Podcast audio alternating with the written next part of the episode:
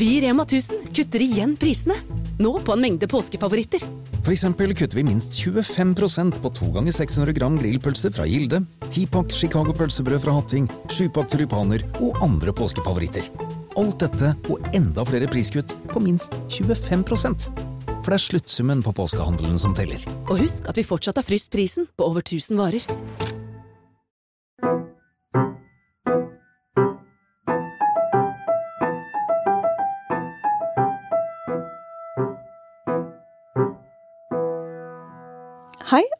Velkommen til podkasten Frilanslivet, en podkast av min kollega Kristina Skreiberg og meg, Hanna von Bergen. Vårt mål er å være en faglig og inspirerende kanal for alle dere som jobber for dere selv i medie-, kunst- og kulturbransjen.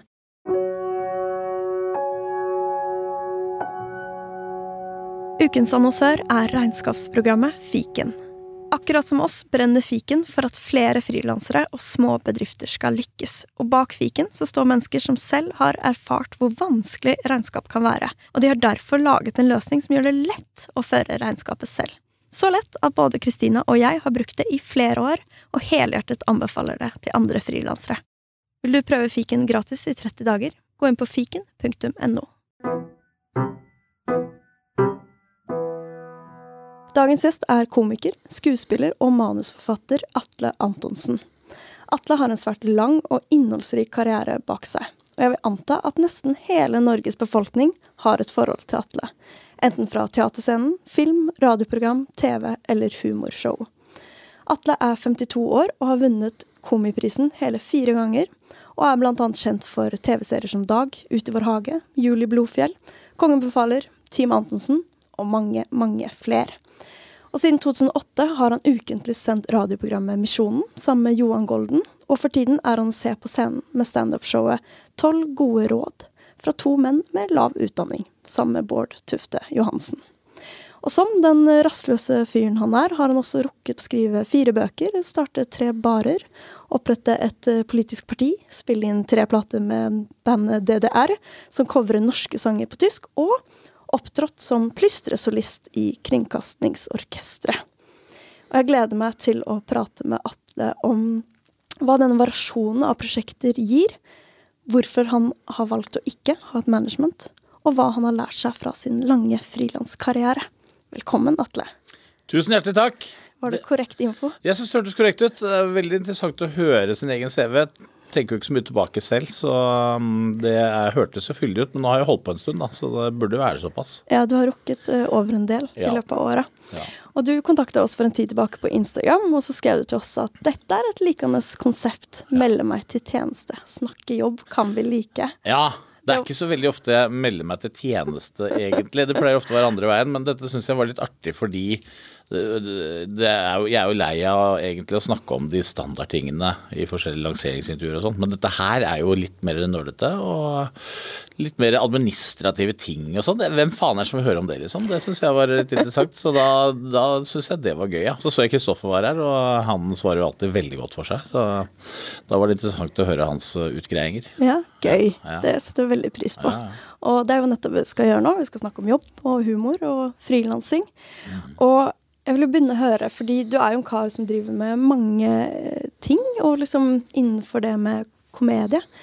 Eh, hva gir den variasjonen deg, å kunne jobbe fra film til teaterscenen til eh, podkasting?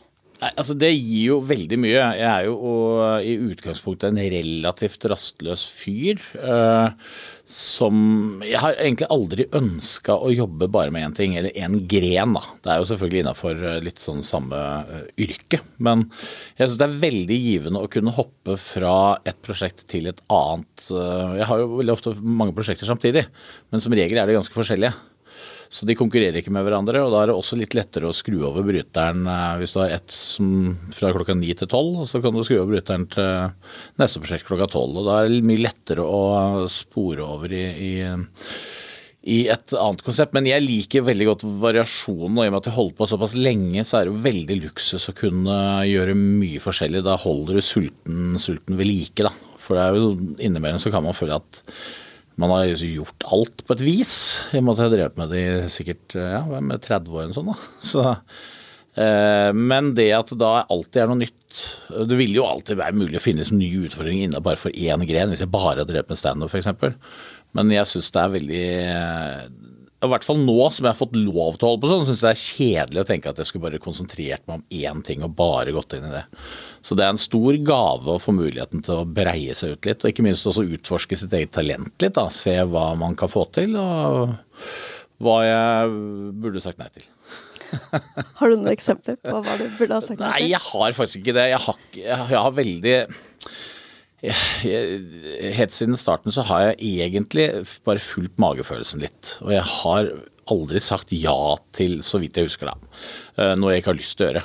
Da har vi selvfølgelig hendt jeg måtte ha pengejobber i sånn starten av karrieren og sånn. Noen reklamegreier på TV 2 da det starta og sånt noe. Det, det, er ganske tacky greier. Men da var jeg ung og trengte penga.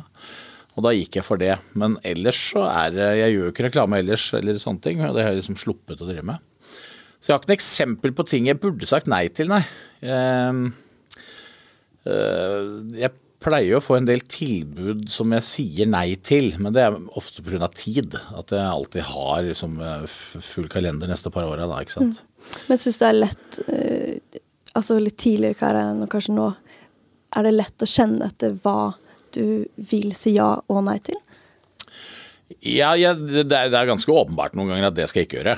Hvis jeg får et tilbud, liksom, som Det er ikke noe for meg. Uh, men Uh, hvis jeg f.eks. fikk tilbud om å gjøre operaen, da, skjønner man jo at dette må jeg bare si ja til. Det, man, jeg later som jeg tenker meg om litt. Uh, men når tilbudet kommer, så forstår man at jeg kan ikke leve med meg selv etterpå hvis jeg ikke sa ja til den typen utfordring. Men det er et eksempel på at jeg blir jo spurt fordi jeg skulle tilføre noe med det jeg kan. Jeg ble ikke spurt fordi jeg skulle være Norges beste bariton, for det er jeg jo ikke. Så det handla mye om å bare øve så jeg ble god nok til å synge til at jeg ikke ødela for de andre. Det, var det, var, det, er første gang jeg har øvd på noe veldig intenst og lenge hvor målet er å bli ålreit. Det er litt pussig greie. Ja, helt middels. Det, det var en veldig pussig greie. Du måtte legge lista der den hørte hjemme. Og alle skjønner at man blir ikke operasanger med sangtimer et år. Eh, så det handla bare om å komme seg opp på et nivå som gjorde at folk kunne tenkt Neimen jøss, det var jo ikke så verst. det, det, er en veldig rar, rar list å legge for seg sjøl når målet er jo alltid å bli verdensmester, egentlig. Ja, og det kan jo ofte være litt ubehagelig, det her, den nye fasen når man skal lære seg nytt, og det er ja. litt sånn skum, Det er liksom prestasjonsprega også. Ja, og kanskje. kjedelig, vet du. Det er mye kjedelig med det. Jeg er ikke en sånn fyr som absolutt har behov for å gå dypt inn i ting i ett år og lære meg noe nytt på den måten her. Så er, da visste jeg at dette blir jobb, liksom. Ordentlig sånn arbeid.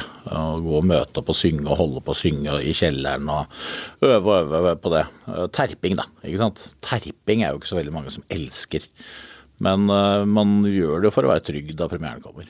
Ikke sant. Ja. Og kunne nyte, nyte det og gjøre noe nytt. Ja, det er akkurat det. Og ikke minst med nye folk, da. Og det er jo den største gaven for min del. Dette med å kunne gjøre forskjellige ting som du uh, nevner, er jo selvfølgelig helt supert. Men når du har kommet til en viss posisjon, da, så får du jobbe med de beste folka hele tiden.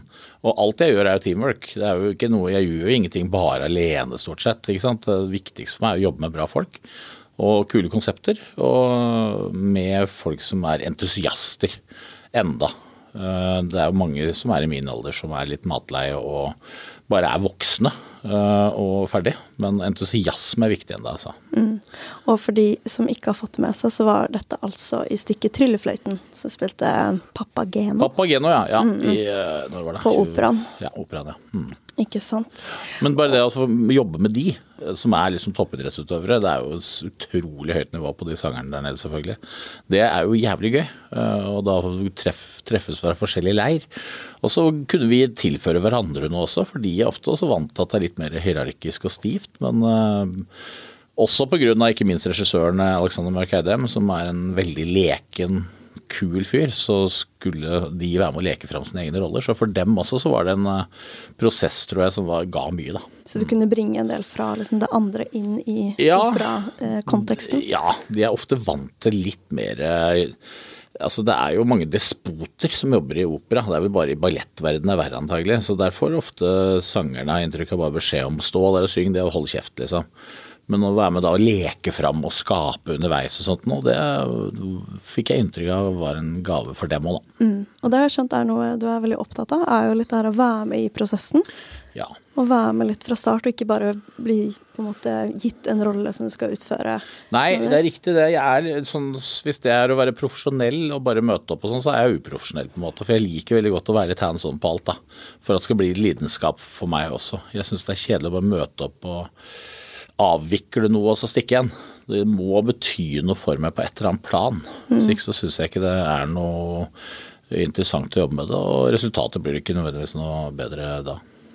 Og jeg vil stoppe opp litt også det her med det med magefølelsen, fordi det er jo Man vet jo litt når du sitter, men samtidig så er det med magefølelse og intuisjon litt uh, ullent. Litt, Det er veldig ullent. Litt vanskelig å skjønne hvordan kan man virkelig lære seg å lytte til sin egen magefølelse. Ja. Uh, og jeg tenker jo at det er noe du bruker veldig mye Eller virker som du er veldig trygg på det, både når du takker ja og nei og velger din vei, men også i hele ditt yrke, så er jo det her en veldig sånn essensiell del.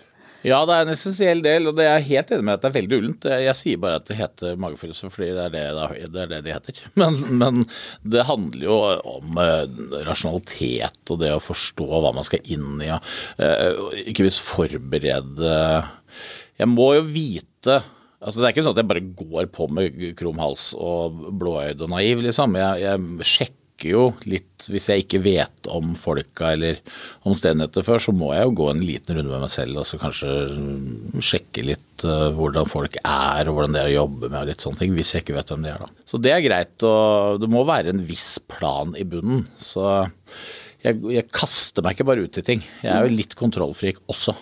Uh, ganske sånn um, opptatt av det. Liker ikke å Jeg er ikke noe glad i overraskelser og sånne ting. Jeg liker liksom å stort sett gå inn i det med en bevissthet, men samtidig også må jeg vite at dette høres, dette hører jeg at det er noe jeg kan få til. Det skal være stor grad av variasjon, men ikke så mye at det blir en overraskelse. Nei, nei, det var ikke noen sånne negative overraskelser underveis i hvert fall. Så jeg, men, nei, men det er en slags magefølelse, men det er jo også mye erfaring i det, da. Men jeg har helt fra start i hvert fall prøvd å ikke gå på akkord med det jeg selv liker. Og hatt muligheten til å gjøre det sånn. Det er jo ofte man i min verden bare blir hyra på et prosjekt og kan hate det fra start til mål. Og veldig mange har det sikkert sånn. Noen ganger så er det gøy med et eller annet teaterstykke, eller hva det er for noe. Andre ganger er det gøy og kjedelig, men du må, må jo si ja likevel. Men nå er jeg jo såpass heldig at jeg slipper å si ja til de tingene som jeg ikke har lyst til. Og det, det er jo en gave. Så jeg skal ikke drive og si at dette liksom gjelder det er gjengs for absolutt alle. Eh, Det er jo ofte at man må bare si ja til noe fordi man trenger jobb. Og jeg tenker sånn i starten av karrieren så eh, blir man kanskje litt sånn blenda litt mer av at man blir spurt, og Ja. det er litt sånn forlokkende med de her nye mulighetene Ja, som man bare ser det positive Ja, i. ja, ja. ja. Og Man er jo skuespiller og selvopptatt, ikke sant? og da liker man en slags bekreftelse at her har virkelig noen tenkt på meg. At de kan tenke å bruke meg til dette. For, Fantastisk, for en ære, liksom. Da er det lett å si ja. Mm. Ja, for jeg vet jo at du har nevnt at um, det med anerkjennelse ja. uh, er viktig. Anerkjennelse er viktig hvis man skiller det fra berømmelse, på en måte. Uh, Men anerkjennelse for det man gjør Altså, det er viktig på ett plan, men allikevel så preller det veldig fort av. Det er hyggelig å bli anerkjent, og kanskje særlig av kolleger og folk man kjenner, og folk som er flinke og sånn. Men eh, sånne type komplimenter, det er hyggelig, men det, det er ikke noe varige greier. Det, det som sitter, er jo eventuelt kritikk. ikke sant? Det er Sånn er det for de fleste. Hvis 99 syns det er bra, og så én jævel syns det er dårlig, så er du bare opptatt av hva vedkommende syns. Så, men anerkjennelse er nok litt viktig eh, uansett, ja. Jeg liker jo at folk uh, har respekt for det jeg gjør. Mm.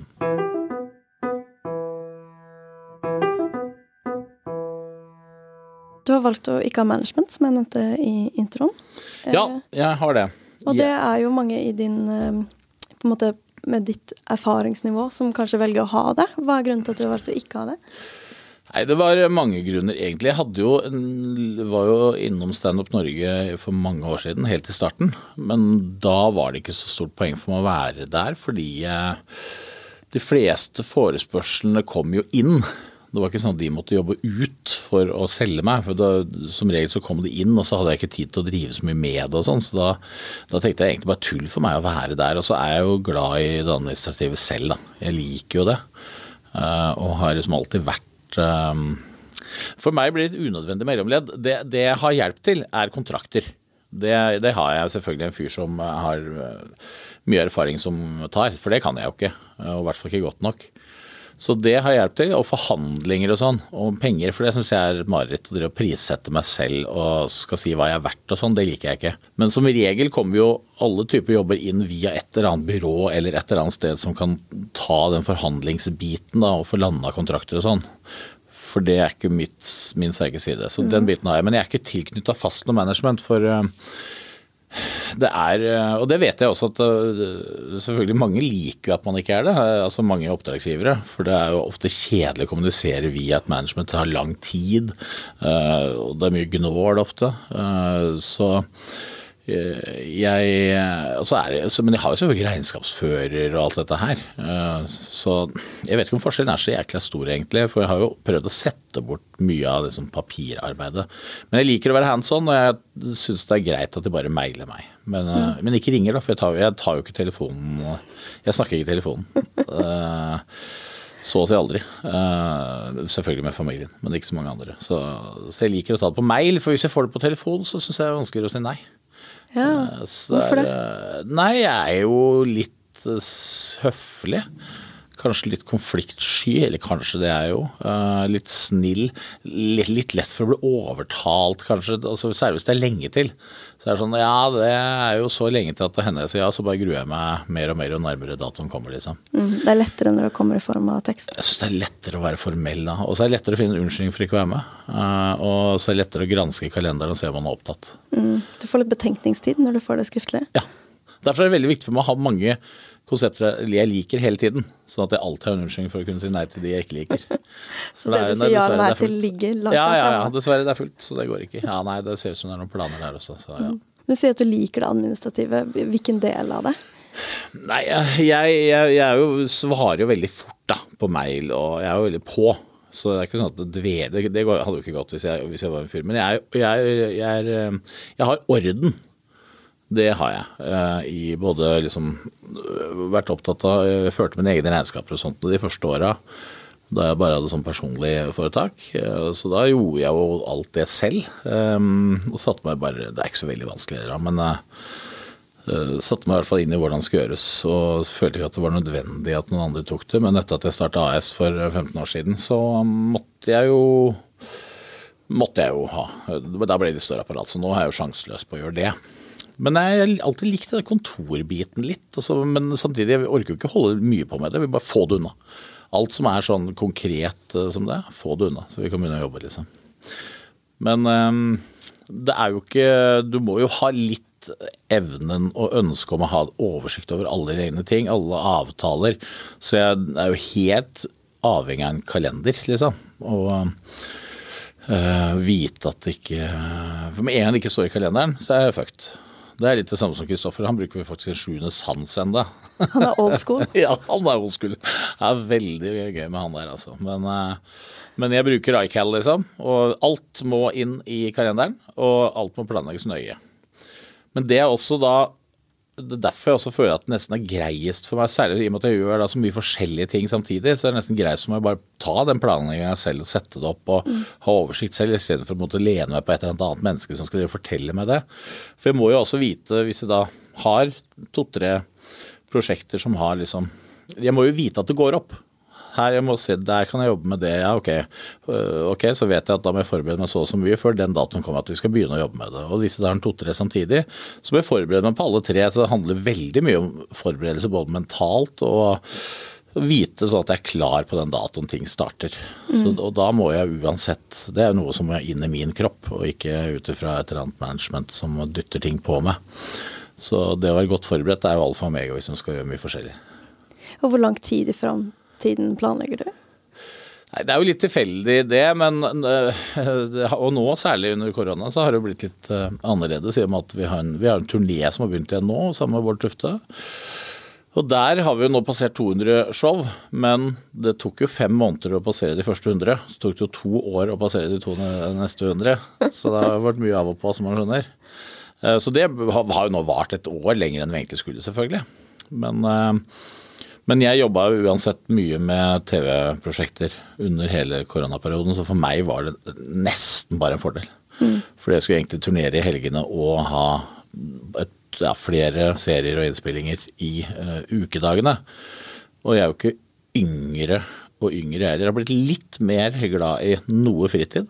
Så um, for meg var det nesten en fordel at koronaen kom, så jeg måtte skyve på turneen et års tid og kunne gjøre unna en del av innspillingene. Ble litt mer romslig kalender? Litt mer romslig kalender, mm. mer sånn vanlig arbeidsdagaktig. Og det, det, likte jeg. Og til vanlig er det på en måte, ligger du et år eller flere år i forkant av produksjonene? Ja, det har jo et par år, tenker jeg. Eh, som regel, ikke sant. Eh, man vet jo om innspillinger og, og sånn ganske tidlig. Men så hvis det dukker opp noe veldig spennende og interessant, så håper man jo at man har tid til å dytte inn det også på et eller annet vis, da.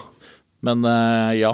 Nei, jeg uh, jeg er litt opptatt av det at jeg må ha noe Altså, jeg må ikke ha noe om to år. Nå skal det være litt roligere etter at jeg er ferdig med turneringa f.eks. Men jeg vet at jeg skal ha et prosjekt i 2023 som skal vare ut til 2024 og sånn. Så, så um, som regel har det vært litt sånn de siste åra. Mm. Og når det er så lange planer, jeg kan tenke meg at det er veldig deilig da å vite etter å ha gjort Jeg vet ikke hvor mange forestillinger det blir totalt? ja, det blir ca. 250, tror jeg. Så mm. vi nærmer oss et eller annet nå, da. Og da er det jo Det er ganske Det er lenge å være i, i et show. Veldig lenge. Jeg har aldri gjort noe så lenge noen gang. Uh, men det er jo veldig interessant, altså, fordi um, man blir jo så veldig bevisst det Man blir jo um, glad i å mestre det bedre. Det handler mye om optimalisering. Mm. Det er jo detaljene som hele tiden kan bli bedre. og Det er jo aldri perfekt, ikke sant. Men når du spiller så mye, så kan man tenke seg at man begynner å kjede seg. For det er jo samme teksten i utgangspunktet. Vi har jo øvd inn dette her. Det er jo ikke noe improshow, liksom. Uh, for det meste så er det jo tekst, og ting skal funke. Men det er mange faktorer som spiller inn som gjør at du hele tida må være på tå hev. Og det er at vi er to på scenen, som er, som er vanskeligere egentlig enn å være én når det gjelder standup. Og så er det jo alltid ny sal, alltid nye folk. Du må alltid ha lytting, og du skal spille på lag med dem. Humor er ikke noe du driver med alene, det gjør du sammen med publikum. ikke sant? Og hvordan er denne salen, hvordan er dette spillestedet? Det er mange sånne faktorer som hele tida gjør at du har noe nytt å jakte på som gjør at du kan bli bedre og bedre. da. Og kan du fortelle litt mer om eh, med det her eh, showet 'Tolv gode råd' mm. som eksempel på hvordan hvordan tviker dere det, eller hvordan ut, optimaliserer Nei, Det var en veldig interessant prosess for det første. fordi eh, først så må man jo, Når man gjør standup-baserte ting, så har du ikke noe annet valg enn å ut og teste uferdig materiale på publikum. Og det er noe dritt. Det syns jeg er skikkelig jævlig. Jeg hadde ikke gjort på mange år. Eh, så skriver man da først kanskje 10-15 minutter. Eh, tester det forsiktig. Møtte opp nede på Fru Hagen i Oslo, som er sånn eh, litt sånn prøveutseende. Uanmeldt. Så bare, og da kan du gå inn litt sånn med stikkorda på blokka legge på bordet. er Veldig sånn egentlig lav terskel. Men jeg var jo nervøs for det, for jeg syns det er jævlig kjedelig å gå på scenen og skuffe folk. Og så er jo da, når jeg går på som en overraskelse, så er jo folk glad for det, og det er masse applaus og sånn, men jeg vet jo at derfra går det bare nedover. det kan bare bli dårligere. Det er jo så kul overraskelse, men det blir ikke bedre og bedre derfra. Det blir dårligere og dårligere derfra. Og det er, eh, Så vi var ute på mange jobber, hver for oss, da, og testa ut materialet vårt, eh, som vi har skrevet sammen. og, og ja. Og så fikk vi da nok materiale etter hvert, i løpet av et års tid, eh, med testing og prøving og skriving og frem og tilbake, til at det er nok, på en måte. Og så skal det inn i en form. Og den formen er jo egentlig litt sånn tvangstrøye. Standup har ikke noe godt av noen form. Det er vanskelig å dytte det inn i en firkanta form. Og vi har tolv råd som skal opp på storskjerm. Vi skal alltid lande i det rådet, eller starte med rådet og utdype det. ikke sant? Å få det til å bli sømløst og organisk var eh, fryktelig, fryktelig vanskelig. Eh, og det var så vanskelig at altså materialet vårt ble mye dårligere med en gang vi skulle inn der. Og Gjertsen, Thomas Gjertsen var jo regissør, veldig flink på, på det, og jobba masse med han før. Um, men vi lette mye, og to dager før premieren så var det liksom hva er, Hvordan skal vi få til? Det var dårlig, liksom. Sånn. Og det er utrolig hvor, hvor, dårlig det kan bli selv om stoffet er det samme. Bare ved at omgivelsene, omstendighetene og formen fucker opp for deg. Da, men det som var Og det ser jo ikke imponerende ut når du ser det ferdig. Det ser lett ut, og det er jo hele planen. Det skal jo se lett ut, liksom. Eh, og det ser ut som to karer som står og, kakler, og det er det. Hvis man ikke tenker noe nøyere over det. Men, og målet er jo da å komme dit at det ser ut som vi bare står på scenen og kakler, og det er det. ikke sant. Men veien dit var utrolig strabasiøs, altså. eh, Og mye frustrasjon med å få det til å løsne. Og selv om vi har drevet med i mange, mange år, så hadde liksom ikke det noe å si. Det var litt, litt sånn nybrottsarbeid for oss begge. Men så knakk vi koden til slutt. Koden var egentlig bare å få alt som var av form til å bare bli så sømløst og innøvd og terpa som mulig, sånn at det bare fløyt pent av gårde. For med en gang du får en longør eller stopper opp et par sekunder her, så ødelegger du for restarten på neste tema. På, så det handla bare om trimming. Mm, og få flyten. Få flyten. Og det var vanskelig å få flyten der. Og også fordi vi er to, så er det veldig mye dialog og pingpong også. Pluss at publikum skal jo være med og serveres. Så det var, var, mange faktorer der som gjorde at det var et mye vanskeligere prosjekt enn vi hadde trodd. Men, da, men så satt det på generalprøven, og da var det jo en lettelse. Og derfra ut så gikk det jo veldig bra. Hvordan er det nå hvor i 200 pluss-show inn i prosessen? Nei, nå er det, nå har det I og med at vi har hatt disse pausene gjennom koronaen, det var vel helt oppe i ni måneder på en av pausene, så har jo egentlig det vært Det har vært litt deilig òg. Fordi du jobber du, det, det, er to ting som jobber mot hverandre. Du vil optimalisere hver eneste vits og pustepause og, og alt sånt noe, men så vil du absolutt ikke inn på et spor hvor det virker planlagt og innøvd og stift. Så det jobber som mot hverandre. Så det å få det til å bli levende og lekent og unikt hver kveld, samtidig som du hele tiden vet akkurat hvordan du bør servere akkurat den joken for at det skal funke, eller, ja, det er jo på tiende sekunder. Det, den håndverksbiten der er jo det som gjør det interessant og spennende hver kveld. da. Så det er det man må fokusere på sånn sett. For Hvis det bare er liksom opplevelsen av å lande et show eller en premiere, så ville jeg helst bare hatt et par show i Spektrum og ferdig.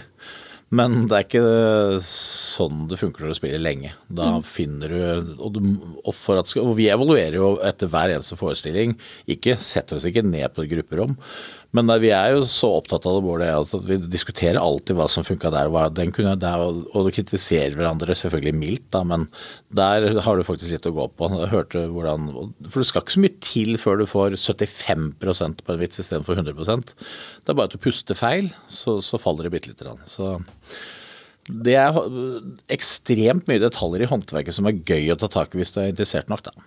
Og én ting er på en måte det tekniske, litt det du snakker om pust og timing og, og flyten, mm. men merker du også um, at det er andre ting som spiller inn?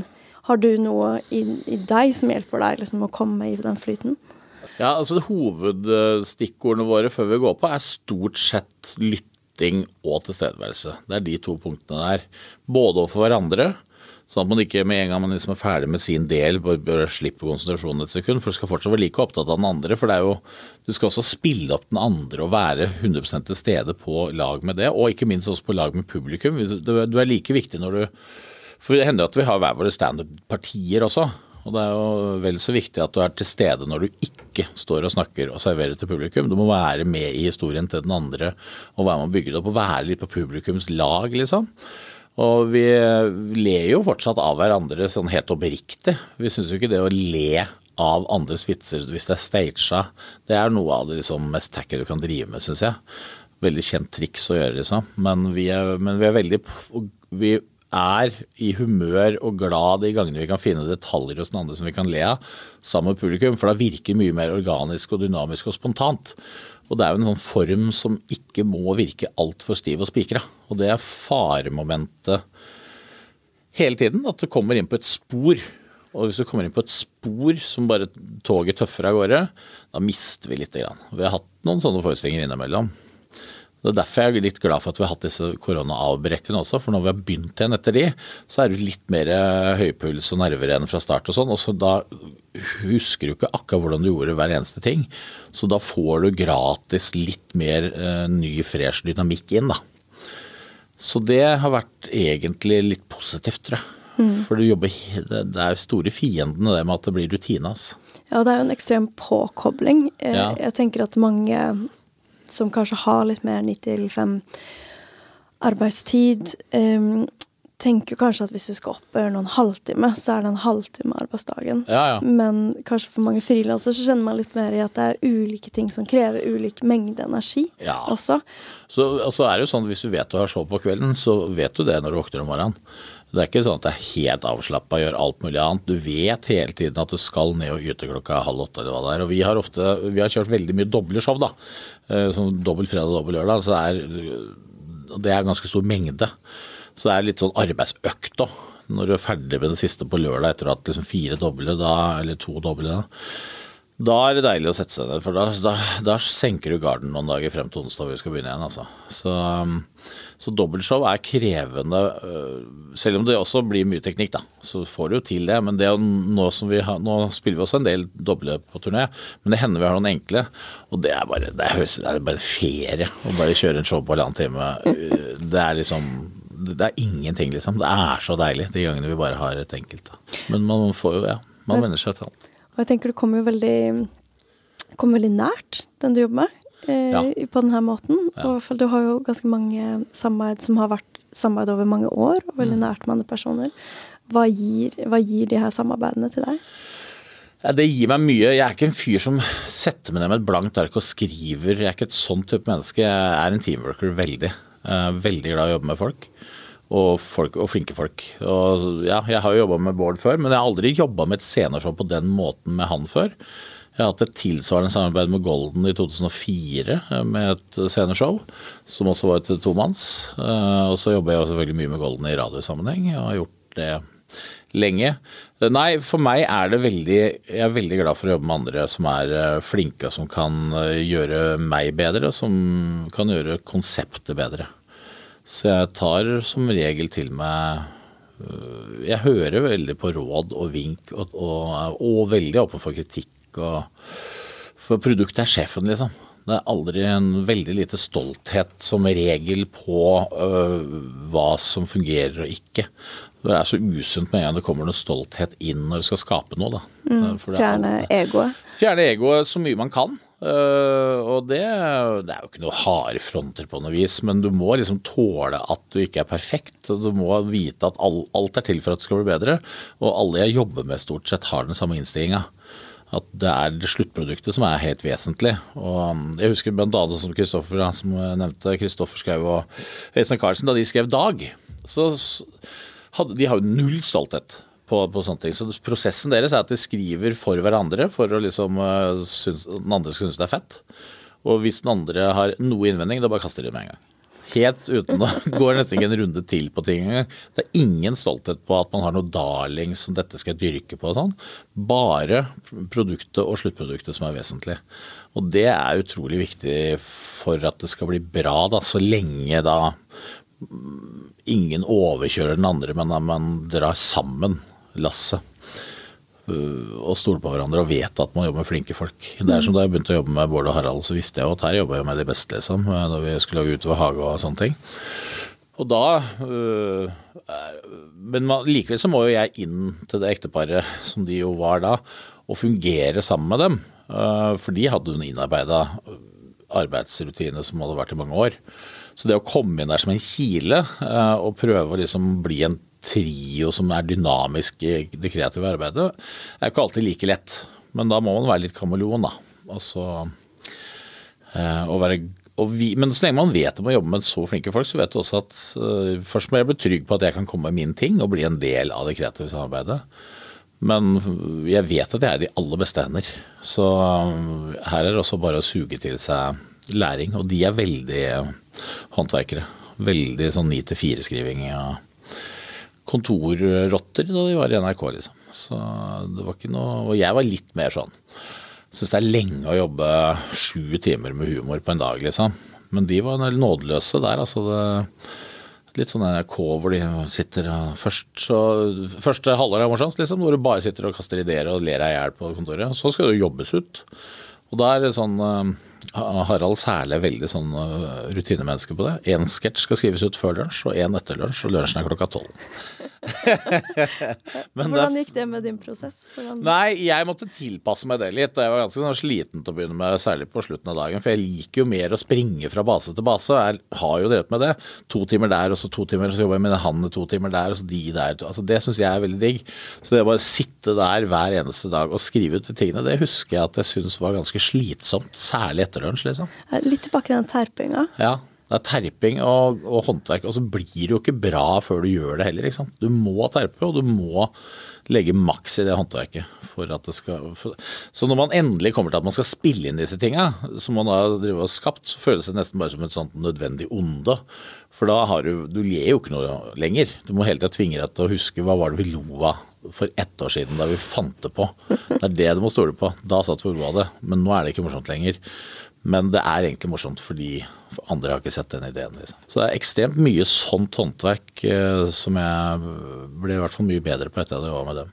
Jeg syns det er interessant eh, fordi når man ser humor, da, om det er på TV eller teater eller i eh, lydformat eller hva enn, så er det jo det her at det bare flyter så lett, og det er så gøy, og det virker så intuitivt, og, mm. og så at det ligger på en måte veldig mye presisjon og mye liksom teknikalitet og terping bak er, er interessant. Du liksom få dykke litt ned i det. Ja, det er jo interessant. Eh, og det, altså er det deilig når man liksom er ferdig med det også, for da skal du da løse det opp igjen. Men med alt det håndverket som ligger i bånn, så skal du kunne leke opp på toppen der og få det luftig og lett og fint og spontant og ekte og ærlig. Alt det der eh, er jo målet til slutt.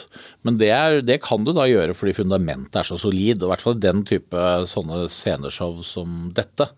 Men improteater er jo noe helt annet igjen. Men da har du jo en basis av mye teknisk du kan og vet. Det er jo, det er jo et håndverk på en helt annen måte. Selv om kreativiteten spiller en større rolle på scenen, så vil du fortsatt ha masse Et solid fundament i bånn av hva som fungerer og ikke, og hvordan og hvorfor. og hva du skal gjøre med medspillere. Ikke sant? Det er, det er, men det er derfor det er gøy å hoppe fra base til base og gjøre forskjellige ting. Fordi mm.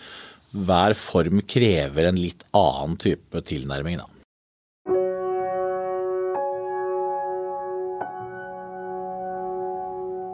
Ukens annonsør er treningsappen Bruce. Både Hanne og jeg vi er medlemmer i Bruce og er veldig, veldig fan av konseptet. Fordi med Bruce så får vi tilgang til hundrevis av treningssentre og forskjellige studioer, og eh, ja, til og med badstue og kickboksing og klatring og ja, det digger vi, fordi det føles som vi opplever byen vår litt på ny gjennom Bruce. Og det gir meg masse ny inspirasjon og treningsglede. Og jeg tenker at spesielt for oss frilansere som har en veldig fleksibel og noen ganger hektisk hverdag, med varierte dager så er det så deilig å kunne velge å tilpasse treningsform etter behov. Hvis du har lyst til å prøve, så får du 50% avslag første måneden hvis du bruker koden Frilanslivet ved innmelding. God treningslyst!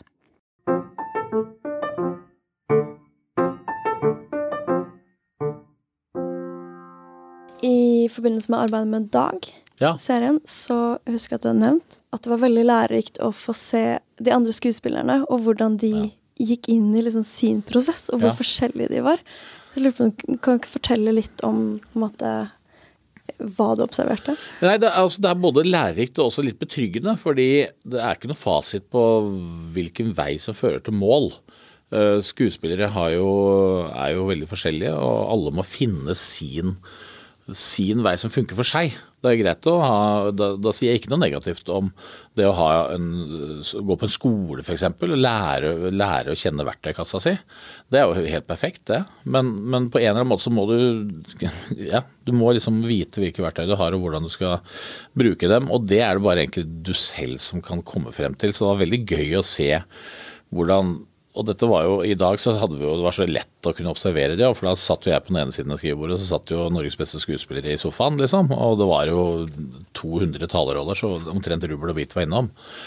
Og da er det jo alt fra de som bare har planlagt det helt ekstremt nøye og gjør identisk take i hvert eneste opptak, liksom. Til folk som sitter helt hudløse og som bare leter etter sannheten akkurat der og da, fra take til take. Så det kan bli veldig forskjellige takes, liksom og hvordan de piffer seg på forhånd. Så det er så utrolig stor bredde. Og begge deler kan bli like bra på skjermen. Men selv om det er planlagt på forhånd og det virker litt spontant, så kan det bli like bra når det er ferdig. Men det er metoden den trenger. Og så trenger den andre å være hudløs og frampå og lete underveis. Liksom finne ut hva er situasjonen akkurat her og nå. ikke sant? Og det er liksom ytterpunktene, så er det jo alt imellom der også. Så det er veldig mange veier til mål. Og det er betryggende for Jeg har jo ikke noe uh, skolert bakgrunn. Jeg, er jo bare autodidakt på en måte, ikke sant, og har lært meg ting selv. Derfor så er det også mye å lære underveis. Men man blir jo da litt mer avslappa når man ser at uh, det er, uh, er ikke noe fasit på hvordan. Bare sluttresultatet er bra. Så veien dit er Men det er fascinerende å se andre folk i arbeid og flinke folk i arbeid. Det virker som du er veldig sulten på det her og hele tida utvikle deg profesjonelt. Ja, jeg innbiller meg det. Jeg kan også være øh, makelig og sedat, altså. Men, øh, men For det er litt sånn Noen ganger så går jeg inn i åh, ja, jeg må jeg sæla på igjen, liksom. Det kan være litt sånn orkete utgangspunkt, men så vet jeg at jeg egentlig vil det. Selv om det er mye jobb å gå den veien og sånn, så er det måten å holde liv i dette her på, for min egen del. Det er jo, det er jo en, eneste motivasjonen jeg har for å drive med det, er jo øh, å få utfordringer og utvikle meg selv, og selvfølgelig også behage et publikum som jeg ser på som en vesentlig del. Om, om, man skal si at ting kommer innenfra eller utenfra, så vil alltid mottaker være et helt vesentlig øh, element i det jeg skaper. Uansett så kan jeg kan ikke ta jeg må ta hensyn til at noen skal se på dette her. Eller noen skal le av det, eller hva som helst. Mm. Hvis ikke så, For det, jeg mener det er jo et samspill med publikum, det jeg gjør. Uh, uansett hva jeg har gjort, liksom. Det mener jeg vel gjelder for de aller fleste, i og for seg. Man kan godt si at liksom, noe kunst skal være bare fokus innenfor at man håper at noen liker det og sånn. Det, det, er greit nok, det. Men mm. det er helt vesentlig, syns jeg, at man treffer noen med det man gjør, da. Absolutt. Så ikke skal vi kunne bare holde på hjemme, liksom. Alene? Uten, Du kan bare lage denne podkasten uten å publisere. Det er, det, er, sant. Bare, det er så deilig å snakke litt i mikrofon. Ja, jeg, har, jeg har egentlig ja. lagd 400 episoder ja, av en annen podkast. Det er bare, jeg bare den er ikke finnes ikke ennå. nei, nei. Men det er jo veldig annerledes å stå på en scene hvor publikum er fysisk til stede. Til stede. Ja. Eh, versus det å spille inn en serie eller film hvor du ikke nødvendigvis får se publikums reaksjon. Kanskje mm. hvis du går og ser din egen film sammen med publikum. Ja. Men hvordan er det å forholde seg til de veldig annerledes måtene å møte publikum på? Nei, det er veldig uh, forskjellig. Helt klart. Uh, I hvert fall når det kommer til film og TV-ting. Ofte i en prosess når man lager TV og film også, så har man jo noen ganger fokusgrupper. I hvert fall hvis du driver med eh, humor, så føler jeg at noen ganger så er det viktig å servere ting før det er liksom ferdig, helt ferdig og landa. For du må se hvordan reaksjonene til folk er, og mange ganger så har man klippa om i forhold til det. Hvis vi har et sånt konsept som Tim Antonsen f.eks., som jo hovedsakelig skjer foran et publikum i studio, så er reglene noe av det samme. Og det er at hvis folk ikke ler, så er det ikke bra nok. Så, så, publikum har jo en ekstremt eh, påvirkning på om ting blir med eller blir justert. Man er, hvis man har 22, så kan man tenke at de tar feil. Men det gjør man ikke etter hvert. Man skjønner at publikum Vi lever av å lage ting som folk skal le av. Og hvis folk ikke ler av det, da har vi gjort noe gærent med eh, det. Og da hadde vi flere sånne Et eksempel er f.eks. Oslo-losen, som er en av de mest legendariske karakterene til Harald. Veldig lang prosess for å få den til å funke. Hadde, hadde den innom flere ganger i studio. Vi hadde også sånn at vi kunne ha litt lengre innspilling enn det som skulle være med. Så vi kunne teste ut ting.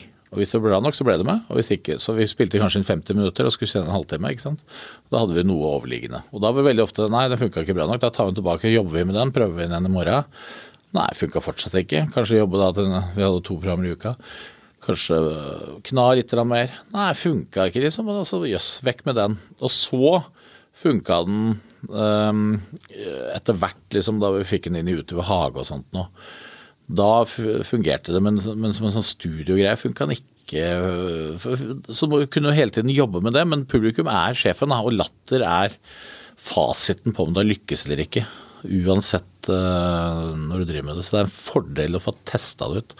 Men live jeg kommer jo hovedsakelig altså jeg, Min bakgrunn er egentlig fra scenen. Radio, men også scenen.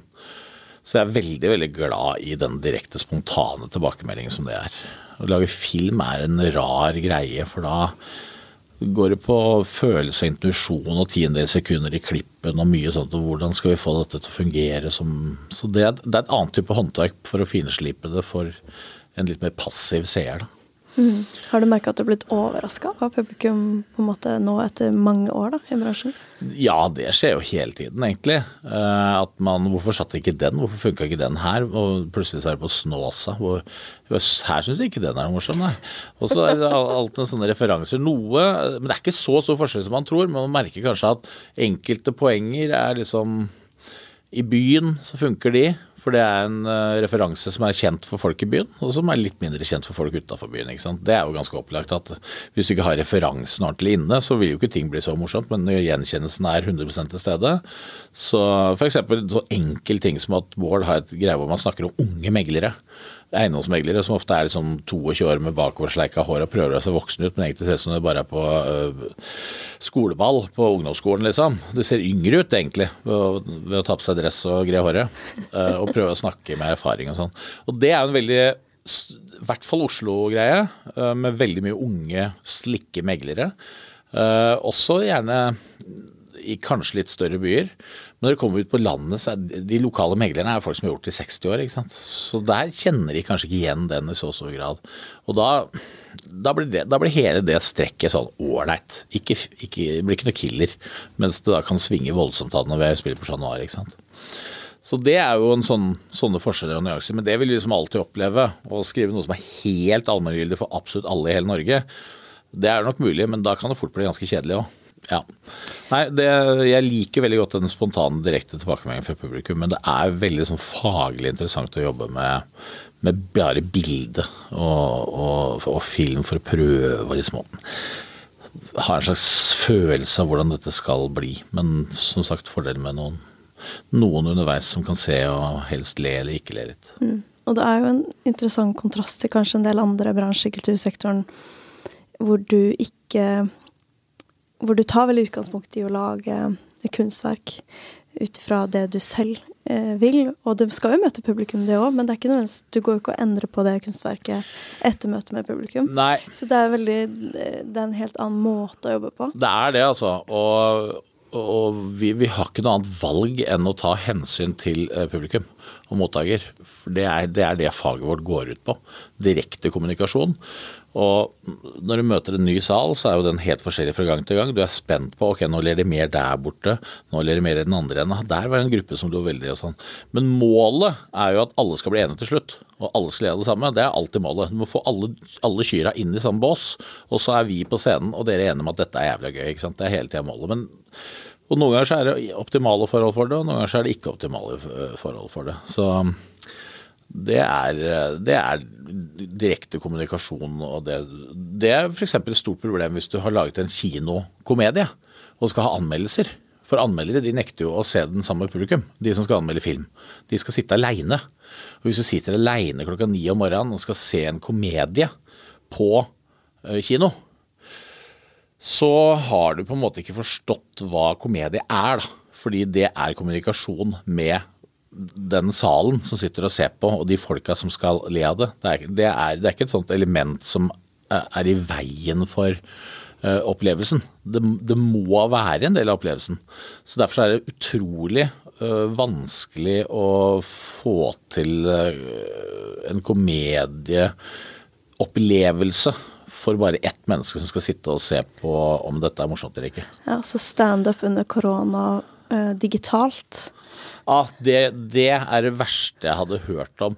Noen måtte jo gjøre det òg, ikke sant. For eh, de, de, driver bare med standup. Og da måtte du prøve å finne en måte å gjøre det på. Noen hadde noen sånne opplevelser. Jeg syns det hørtes helt jævlig ut, og det var jo helt jævlig òg. Og alle som gjorde det, syntes det var jævlig. Uh, og så kunne det være Men du måtte i hvert fall ikke tro at det skulle minne om det du vanligvis driver med. For det blir bare iskaldt, forferdelig medie. media. men det er i hvert fall en vekk merker kanskje for mange som bare driver live, at det kan være greit å ha uh, litt bredde eller et par ekstra bein å stå på. For veldig mange kolleger av meg som bare jobber med live-ting. Ikke at de ikke ønsker å jobbe med TV og film, det er ikke det jeg sier. Men for oss som gjorde det, så ble det selvfølgelig så mye enklere. For vi hadde jo prosjektet gående, veldig mange av oss, og fikk, det, fikk jobba med det. Men hvis du bare driver med standup, da er det rett på Nav i løpet av et kvarter. ikke sant? For, det er ikke noe du får gjort med det. og uh, Jeg syns synd på mange av de. altså. Absolutt. Det er jo Jeg hadde Det var bare et foredrag for sånn 70 pers. Ja. Men da også var det sånn Var det noe sånn humor inni der, og så sitter det 70 svarte skjermer som er muta. ja. det er, jeg, jeg, jeg har nesten ikke lyst til å tenke på det engang. Jeg syns det er det største marerittet jeg kan tenke meg å måtte ut og gjøre det. Og skal du vise liksom din entusiasme eh, som publikum gjennom emojis? Det er liksom? helt grusomt. Og, og hvis noen ler, så klippes jo lyden, sånn som det var på noen av de plattformene tidlig. Så, og det å være kreativ på Teams eller på Det, det, er, det er et mareritt uten sidestykke. Jeg prøvde én gang, litt i et kvarter, og skjønte at dette er ikke noe for meg. Å prøve å være kreativ, for kreativitet eh, oppstår jo gjerne i et forum med andre likesinnede. Så er det pingpong, og du kaster ball og kakler og sånn. Foredrag kan funke hvis det bare er et sånt du skal sitte og lytte. Jeg tenker de som hater folk som hekler på jobben, altså ikke ren sånn fysisk hekling, men som dere blander seg inn og skal være vitsemakeren på jobben. Hvis du er vitsemakeren på jobben, da hadde du dårlige tider under korona. For det nytta ikke å komme med noe sånt i de der fellesmøtene på, på Teams. Så den som, hvis du er en litt tørrere person som ønsker å ha ut kunnskap, så tror jeg det var drømmescenario. For da var det ikke mulig å bli avbrutt av, av vitseknekter og idioter på jobben, liksom. Kan bare stå der og kjøre og høre din egen stemme. Så det syns jeg dreper all kreativitet, da. Eh, Så det er i hvert fall ikke noe jeg ønsker eller vil tilbake til. Nei. Det tror jeg mange kan si seg enig i. Ja. Du har i noen andre intervjuer jeg har hørt snakka om at du er ganske privat som person. Um, og hvordan er ditt forhold til dette med å beholde ditt privatliv privat, men samtidig være en svart offentlig person? Nei, akkurat det å bevare privatlivet er jo ganske enkelt hvis man bestemmer seg for det. Eh, For jeg prøver å mikse minst Altså det er jo litt viktig for meg å ha familie og alle de tingene der som et eget rom når jeg er så offentlig, når jeg er utafor husets fire vegger. Men øh, og så har jeg ikke så veldig mye interessant å komme med privat heller. Liksom. Det er, øh, jeg er ikke interessert i andres private ting heller. Jeg er veldig lite av sånn andres erfaringer og følelser og sorger og selvmordstanker. alt. Jeg er ikke så interessert. Jeg, for meg så blir det litt jeg, Det sier ikke at det er feil å komme med av den grunn, men jeg leser ikke sånne saker selv, og jeg er lite det- som regel ikke så veldig eh, glad i det. Eh, Og i hvert fall ikke et sånn salgsfremmende øyemed, syns jeg det er tacky. At man skal måtte sitte og snakke, for det er jo veldig øh, jakt på det alltid. Om det er portrettintervjuer eller på TV, hva det er for noe intervjuer, så vil man gjerne ha personlig vinkling, og opplevelse. Og det er vel antagelig fordi folk liker å høre om det, øh, og det er greit, men jeg er ikke så interessert i det selv. øh, og har ikke så mye å komme med i den sammenheng heller, så det, det tror jeg bare er kjedelig. Eh, Så for meg der ute så er min oppgave å ikke kjede folk, og underholde folk. Og så er det ikke så viktig hva jeg er av kjerne inni det. Dessuten så kan det også være fint at ikke alle vet alt, for det kan komme litt i veien for det jeg skal gestalte i en eller annen sammenheng. Så hvis jeg, jo blankere ark jeg kan begynne med, nå er det ganske vanskelig etter hvert, da, sier seg selv, men jo blankere ark jeg kan komme med, jo enklere er det for meg å få folk til å tro på illusjonen, da. Det er noe av utgangspunktet for det. Um, så jeg, jeg har et ganske bevisst forhold til det. Nå det- Gradvis så blir det vanna ut litt når du har holdt på så lenge, så er det ikke noe Det er uunngåelig å måtte snakke litt uh, om det, men privat eh, Ting som er personlig, det er jo litt forskjell på hva som er personlig og privat da. Eh, og privat holder jeg meg unna, men ting som er personlig, er jo naturlig at jeg toucher innom i en del ting, da. Ja, altså intervjusammenheng og, og sånn. Men jeg har ikke noen sånne veldig dramatiske historier å komme med som gjør at jeg skal få solgt produktet mitt eh, bedre av den grunn. Så jeg liker best å forholde meg til Det tror jeg ikke trengs heller. Nei, jeg, deler jo veldig lite private ting. Både Facebook og Instagram og sånn, for meg er jo bare ganske profesjonelt. Det hender at det toucher inn på noe en sjelden gang som har noe med meg utenfor arenaen å gjøre, men det er ikke så ofte. Så det er stort sett enten at jeg driver med noe, øh, noe jeg syns er gøy på Instagram, eller øh, en sjelden gang noe jeg syns er viktig. Men øh, det er litt vanntette skott der egentlig. Altså, jeg prøver i hvert fall å ha de så godt jeg kan.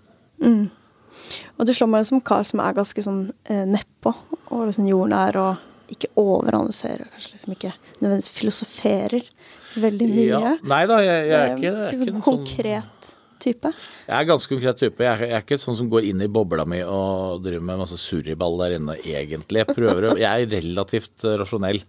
Jeg er det. Men jeg, jeg, er jo, jeg er jo Altså, jeg er en følsom og temperamentsfull fyr. Men det bruker jeg jo ja, altså, og jeg er jo egentlig mye mer introvert også enn man skulle tro, eh, sånn ut ifra hva jeg gestalter utad. Jeg er jo veldig glad i å være alene glad i å være hjemme, liksom. Eh, Men jeg trenger utløp ute også. Men jeg er jo ikke noen sånn fyr som er født et sted hvor berømt er en kvalitet. Berømt er jo det reneste vås og visvas, liksom. Alt som fører med det.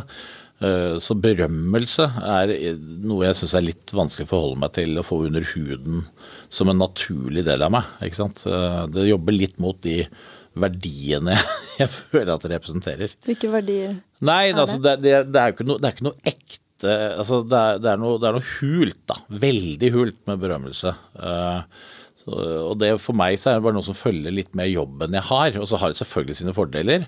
Uten tvil. De aller fleste som kommer bort, er jo glad i det jeg gjør. Og de som ikke liker det, de sier jo ingenting. Så jeg får, får veldig lite kjeft. Eh, litt hvis jeg har slengt meg leppa på radio og sånn, selvfølgelig. Men det, det må man jo tåle. Eh, alle liker jo ikke det man gjør. Men de fleste som sier fra, er fans eller syns det er gøy og er positive.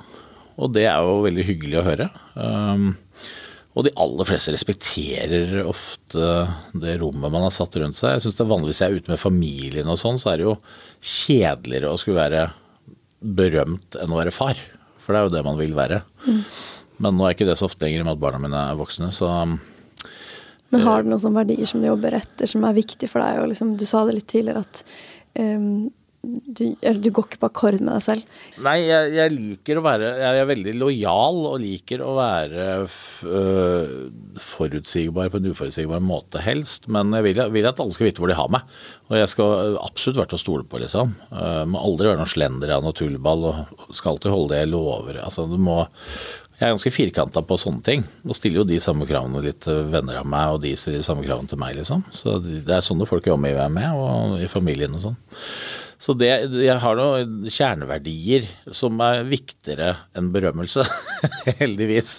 Så, men berømmelse er jo en pussig ting, fordi det, du må jo hele tiden Egentlig skal jo ikke gå til hodet Hvis du tror at du er den berømte personen, så er det jo helt Da, da får man et kjempeproblem. Uh, for det er jo ikke det man egentlig er. Det, man er jo egentlig det mennesket man er, og hjemme, og sammen med familien og vennene sine, sånn som vi alle er, liksom. Og så kommer det andre som et litt sånn forstyrrende element på toppen, som kan surre det til å ødelegge hvis uh, Ja, man, får, man blir jo, får jo blikk hele tiden, man blir jo sett hele tiden. Det er veldig vanskelig å gå et sted, selv om du ikke, ikke folk tar kontakt, så vet jo de fleste etter hvert hvem man er, og man vet at man er en offentlig person man er ute. Og det er veldig ofte at jeg kunne tenkt at det hadde vært deilig å ikke være da. Det, det er nok en Det blir aldri 100 bekvem med den biten. Det gjør jeg nok ikke. Mm. Jeg tenker at det er vel sunt da, i, den, det yrket du har, hvor man nettopp skal gå inn med ganske mye ydmykhet og mm, tørre å eksperimentere og tørre å mm, liksom, ja. forme roller og lære seg av andre. Ja. Men så er jo dette som vi snakka så vidt om i sted, altså anerkjennelse. Det ligger jo og toucher innpå det med berømmelse på en måte. Selvfølgelig, ut ifra folk. Så jeg kan ikke si at jeg ikke liker det heller. For det er jo, jo men det er Jeg skulle så gjerne sagt at jeg 100% ikke liker det, men da kunne jeg nok ikke drevet med det jeg gjør. Så jeg har jo et eller annet behov for å bli sett, det også. Å få bekreftelse for det jeg gjør. Helt uten tvil, som de aller fleste mennesker har. Men, men, så det ligger der. Men samtidig så er ikke det et element jeg liker. Jeg liker mye bedre liksom tømmerhoggeren som bare står i skauen og hogger tre, og ingen følger med på det i det hele tatt. Bare gjør jobben. Og bare får det gjort, liksom. Sånn ordentlig jordnært neppe og solide greier. Og nesten ikke sier et ord, liksom. Bare men er til å stole på. Altså det, det, er et ideal som jeg absolutt ikke klarer å oppfylle selv. Men jeg liker bedre den derre De folka der enn de som holder på med tant og fjas og, og ablegøyer og skal bli sett. Det er, noe, det er, ikke et element jeg prøver å bygge opp under hos meg selv, heller dempe. Mm. Og det her passer veldig fint å runde av med at uh, jeg vil gjerne høre litt mer om ditt forhold til det å, å liksom føle seg privilegert, og ikke ja. syte eller sutre. Ja. Og du har uttalt at du daglig må tvinge meg til å holde kjeft hvis jeg sutrer. Ja. Er det noe du tenker mye på? Jeg, jeg tenker en del på at jeg er privilegert, ja. Det tenker jeg ganske mye på. og Det har jeg jo tenkt mer og mer på etter hvert som jeg liksom har kommet litt ut av den der 20-åringsbobla. Som man jo er bare fokus på å holde på med ting og karriere, og så er man unger i tillegg, og så bare alt bare renner av gårde. Eh, men jeg har alltid visst at jeg er privilegert, og jeg har alltid først følt meg privilegert fordi jeg kan jobbe med det jeg var interessert i. For det er jo en interesse her som jeg har kunnet leve av. Uh, og det er den det er viktig for meg å holde ved like. Det er ikke viktig for meg å holde ved like en sånn karriere som et sånt ullent fenomen der oppe. Det viktige er å holde sulten ved like og lysten og den følelsen av at det jeg gjør, gir meg noe også. At det stilles litt på prøve. Det er det viktigste uh, med, som drivkraft i det jeg gjør. Og så, øh, og så, har jo Og penger og berømmelse og alt det der, som jo har fulgt naturlig i kjølvannet av det, det er, det er lite motivasjon å hente, altså. Det, det, det, er ikke så mye å le av der. Det er ikke så mye å Så det er bare en, en, en, positiv bieffekt av at det har vært vellykka, det jeg har gjort. Og en bekreftelse på at jeg valgte riktig vei, liksom. Og, um, men drivkraften, den må ligge i det det alltid har vært. At ønsket om å skape noe, formidle noe, eller få folk til å le, eller lage noe som betyr noe for folk, eller Og de gangene det funker, så er det den store tilfredsstillelsen. Mm. Og så er jo men Vi er jo privilegerte, de fleste av oss som bor i Norge, for det første, men men jeg tenker mye på at det er en veldig gunstig situasjon. Jeg. ja. Slipper å være bekymra for så mye. Og i på en måte utenfor jobb, er det, prøver du å ha samme perspektivet Prøver å ha det samme perspektivet på alt, og er egentlig en Jeg er ikke en superoptimistisk person, men jeg er en ganske positiv person. Så jeg, jeg ser Jeg har lett for å kvitte meg med dårlig bagasje. Uh, fortrengningsdyktig, egentlig. Får det vekk. Og inn i trykkokeren med det. Så nei, eh, negative, negative ting legger jeg veldig fort bak meg. Og så ser jeg positivt på uh, ting så ofte jeg kan, og prøver å være en positiv person. Men det er ikke det med sagt at jeg er en naiv uh, superoptimist på fremtidas vegne. Det er ikke sikkert. Nei, man kan være en glad dystopiker, kanskje? Man kan være en glad dystopiker. Jeg tror at uh, vi skal være glad vi har noen. det er en fin måte å runde av på. Ja. Takk for at du kom hit. Det var veldig hyggelig å være her. Herlig. Gikk så fort. Ja, det gjør det. Gikk så fort. Deilig. Ja. Fint. Takk så mye. Ha det. Ha det.